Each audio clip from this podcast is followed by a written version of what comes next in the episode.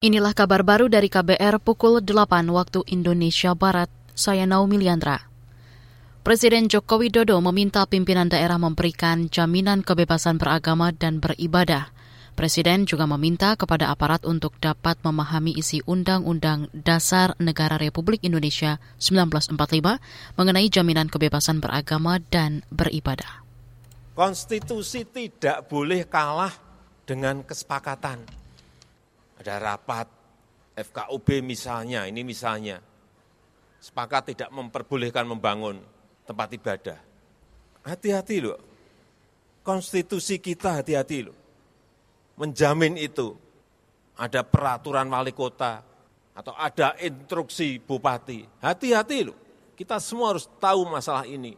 Konstitusi kita itu memberikan kebebasan beragama dan beribadah. Presiden Jokowi saat rapat koordinasi pemerintah daerah kemarin menegaskan semua umat beragama di Indonesia memiliki hak yang sama dalam beribadah. Sebelumnya di berbagai daerah muncul penolakan pembangunan rumah ibadah. Penolakan juga dilakukan terhadap mereka yang menggunakan rumah untuk beribadah. Penolakan bahkan datang justru dari Forum Kerukunan Umat Beragama atau FKUB. Aliansi Masyarakat Adat Nusantara aman mengancam merebut kembali wilayah adat yang diklaim sepihak pemerintah. Rencana itu menurut perwakilan aman Muhammad Arman sebagai ultimatum ke pemerintah dan DPR atas terbitnya peraturan pemerintah pengganti undang-undang atau Perpu Cipta Kerja. Bersama-sama menyatakan sikap menolak uh, Perpu ini dengan berbagai macam cara dan bagi kami di masyarakat adat kami akan melakukan perlawanan gitu ya dengan melakukan pendudukan atau mengambil kembali gitu ya wilayah-wilayah adat yang selama ini diklaim oleh pemerintah.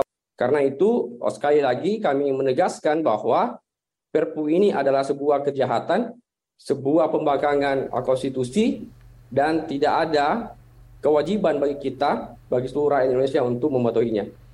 Perwakilan Aliansi Masyarakat Adat Nusantara Muhammad Arman juga akan terus menyuarakan suara rakyat yang wilayah adatnya terenggut pemerintah.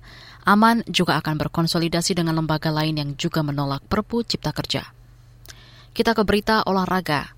Petenis Serbia Novak Djokovic menundukkan petenis asal Spanyol Roberto Carbales Baina 3 set langsung 6-3, 6-4, 6-0 di putaran pertama Australian.